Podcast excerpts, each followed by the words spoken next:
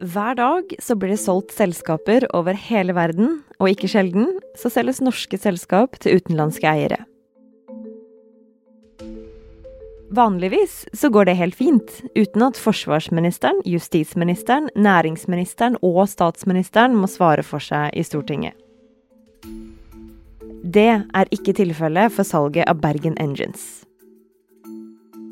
Det gikk fra å være et vanlig salg av en fabrikk fra et britisk selskap til et sveitsisk et, til å bli stoppa fordi det kunne sette Norges sikkerhet i fare. For gjennom en lang rekke eiere så fins det en kobling mellom et norsk spionskip og Vladimir Putin. Du hører på Forklart fra Aftenposten. Jeg heter Anne Lindholm, og i dag er det fredag 23. april.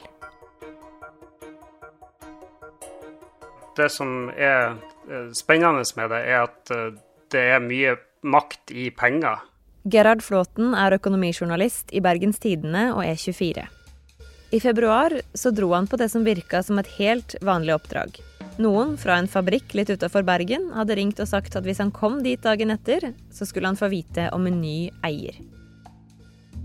Så kjørte jeg og fotograf Bjørn eh, Erik eh, nordover fra Bergen sentrum i ca. et kvarter før vi eh, tok av fra E39 ned mot Hordvikneset, som er det nordligste punktet i Bergen kommune. vel.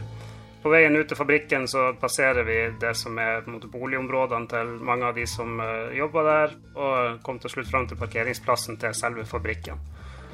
Jeg parkerte der og gikk inn, ble tatt imot av uh, hun som er kommunikasjonsansvarlig der, og han som er administrerende direktør, som uh, inviterte oss inn på eh, et uh, møterom der som vi har vært på flere ganger tidligere. Og vi satte oss ned og fikk kaffe, og de gjorde seg klar til å presentere nyheten om at de hadde fått en ny eier. Men det var noe som var litt rart. Navnet på den nye eieren. det var en aktør som jeg aldri hadde hørt om før. måtte lese det og få de til å si det flere ganger. Og navnet? Var Transmash Holding. Transmash Holding er et, eh, et, selskap som jeg rett og slett eh, aldri hadde vært borti tidligere, og ikke kjente til. Så jeg tenkte jo umiddelbart at dette må vi finne ut av hva hva er for noe. Og den jakta sendte Gerhard og kollegaene hans på en rundtur til selskapsregisteret flere steder i Europa, via Frankrike og helt ned til Middelhavet. Det vi da gjorde, var at vi så at eh, eieren av det russiske selskapet, det er et kypriotisk selskap som heter Transmash Holding. Um, så da måtte vi på en måte prøve å navigere i det kypriotiske selskapsregisteret for å finne ut nøyaktig hvem personene bak var. Det var en ganske stor oppgave som endte med Til slutt så hadde vi uh, kartlagt 16 selskaper, mener jeg det var, uh, og lasta ned nesten 500 dokumenter. Da hadde vi kartlagt nesten hele strukturen, over 99 av eierstrukturen til Transmash Holding.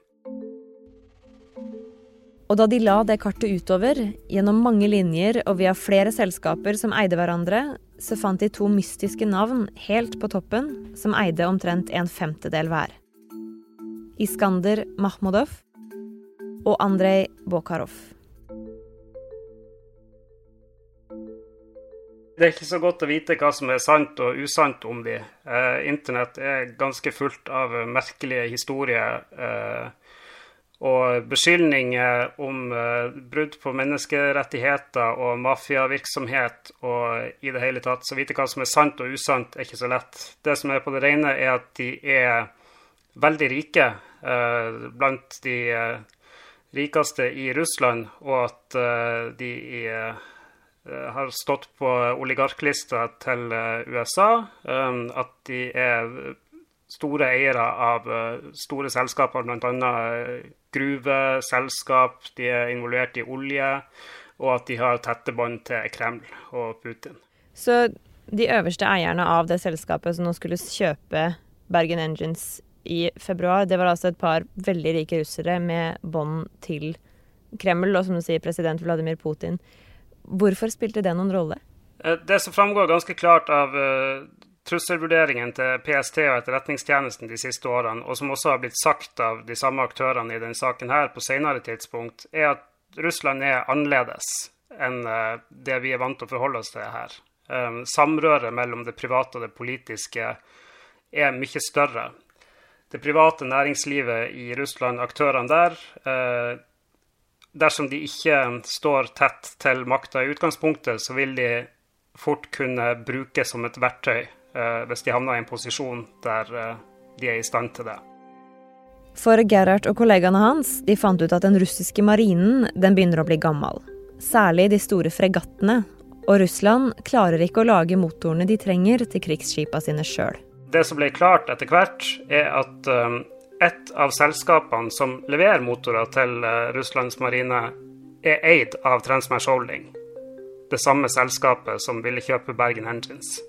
Og så er jo spørsmålet, hva spiller det for rolle om Russland får lagd motorer til marinen sin på et nes nord i Bergen. Og Der ble vendepunktet da vi fikk bekrefta fra Sjøforsvaret at eh, flere av kystvaktskipene våre faktisk har Bergen Engines-motorer om bord, og der personell fra Bergen Engines gjennomfører vedlikeholdet på disse og leverer reservedeler.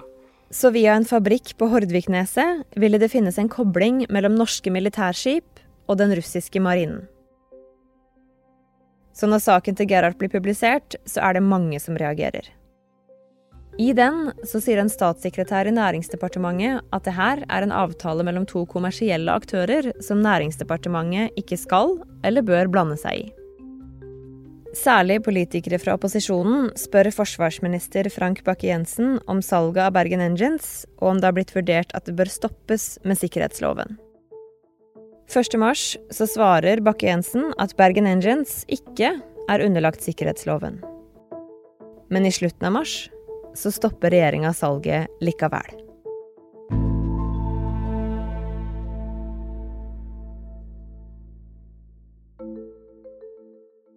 Etter to måneder med debatt, med svar fram og tilbake om Russland, Bergen Engines og Norges sikkerhet, så måtte tre statsråder og statsministeren sjøl svare for seg i Stortinget. Til dagens lange høring om det planlagte salget av Bergen Engine. Det var for det første intenst fordi at eh, det tok lang tid. Det var fire statsråder, og statsministeren skulle forklare seg. Vi, vi hadde sett fram til dette i lang tid. Eh, her var en drøss med spørsmål som vi fortsatt mangla svar på, og som eh, departementene ikke ønska å svare oss på. Eh, så håpet var jo at vi skulle komme nærmere her, at brikkene skulle falle litt på plass. Og en del av de gjorde faktisk det. For tidslinja ble tydeligere. Først så fikk regjeringa et brev før jul der Rolls-Royce varsla om salget. Det har kommet eh, et brev fra Rolls-Royce til Utenriksdepartementet 15.12. der de redegjør i detalj for at de eh, ønsker å selge fabrikken til eh, Transmash Holding, i hvert fall vurdere det. Og de går inngående gjennom hva det selskapet er, og skriver bl.a. i det brevet at to av eierne er Iskander Makhmudov og Andrej Bokarev. Da er du ett Google-søk unna å finne ut at dette er russiske oligarker som Eh, har tette bånd til russiske myndigheter.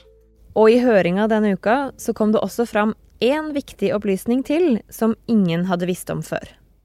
Nei, vi har, eh, Nærings- og fiskeridepartementet har blitt kontakta av en ekstern aktør. Det vi får vite, da, er at uh, departementsråden til næringsministeren får altså en henvendelse, vi vet ikke hvordan, eh, den 11. januar fra en ekstern aktør, som de kaller det. De ønsker ikke å eh, oppgi hvem vedkommende er, fordi at eh, dette er forretningssensitivt, og dermed så unntar de det fra offentlighet etter offentlighetsloven. Um, men denne eksterne aktøren skal da ha kommet med bekymringer rundt Bergen Engines-salget. Noe som fører til at eh, denne departementsråden tar kontakt med departementsrådene til eh, Utenriksdepartementet, Justis- og beredskapsdepartementet og eh, Forsvarsdepartementet, og planlegger et møte to dager senere.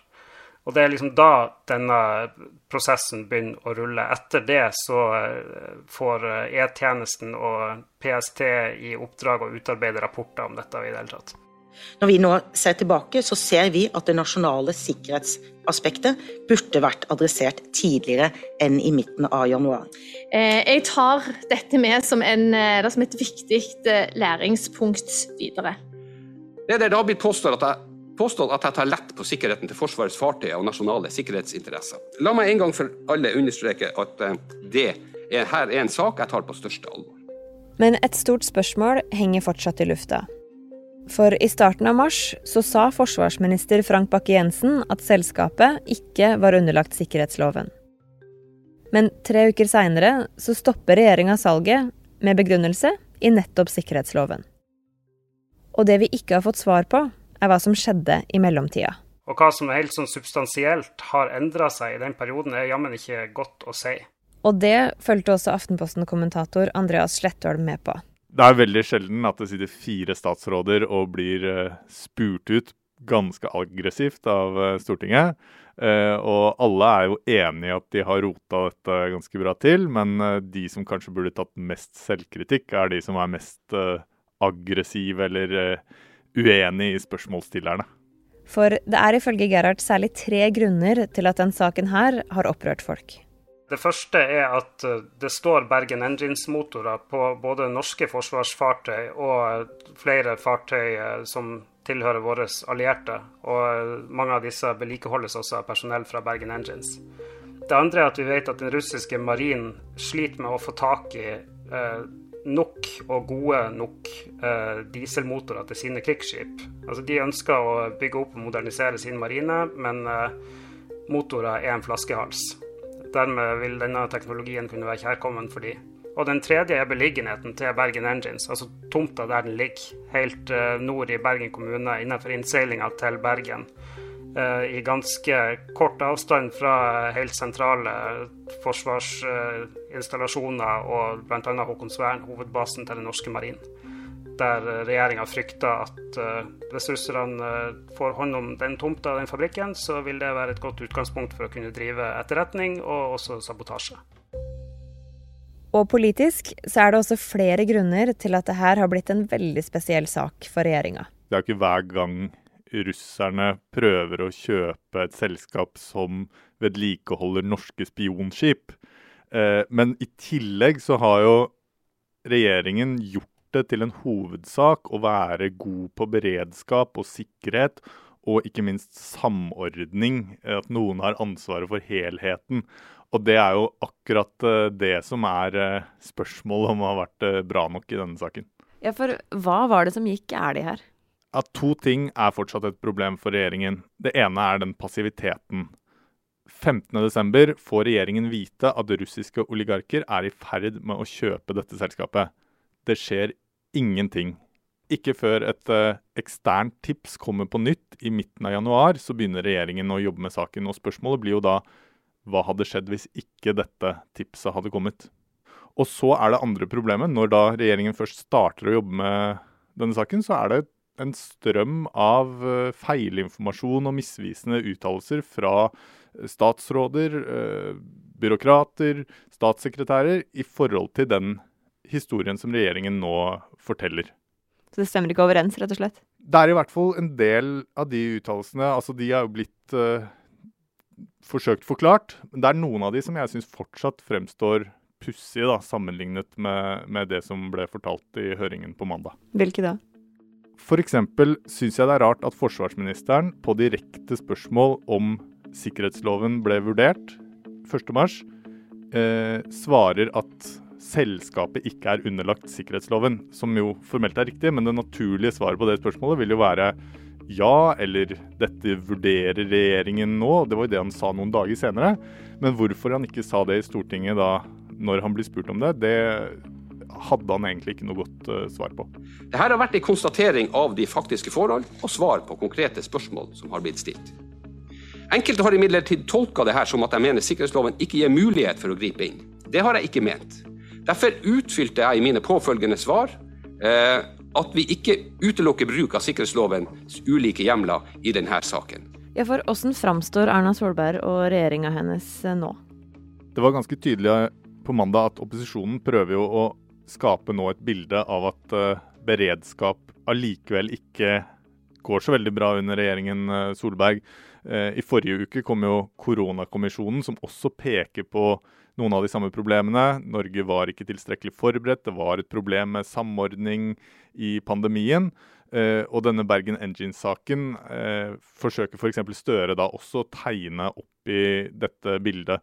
Og, og, og, om de lykkes er jo litt vanskelig å si, det får vi se ved valgresultatet. Men det er klart at uh, til å ha gått så høyt ut på banen i denne saken, så, så er det litt trøblete å være ansvarlig for beredskapen i Solberg-regjeringen nå. Kan det få konsekvenser for noen av dem? Jeg tror ikke at dette vil ende opp i et uh, mistillitsforslag, og i hvert fall ikke et uh, mistillitsforslag som får flertall, fordi saken jo gikk bra. og rotete kommunikasjon er jo kan jo skje. Samtidig så blir det jo et spørsmål da om noen har feilinformert Stortinget bevisst eller delvis bevisst, som jo normalt er en er en grunn for opposisjonen til å stille mistillitsforslag, da. Mm. Ja, for som du sier, de stansa jo salget. Det går ikke gjennom. Er det noe problem igjen da? Resultatet ble jo riktig til slutt, mener de aller fleste. Men uh, det er ikke veldig betryggende, den prosessen sånn vi kjenner den utenfra. Uh, det virker jo som om det var uh, litt flaks at det gikk som det gikk. Og hvis det er flaks som må til for at ikke eh, nasjonale sikkerhetsinteresser eh, skal bli truet, som jo er begrunnelsen for at de stopper salget, så, eh, så er egentlig ikke sikkerhetsarbeidet godt nok.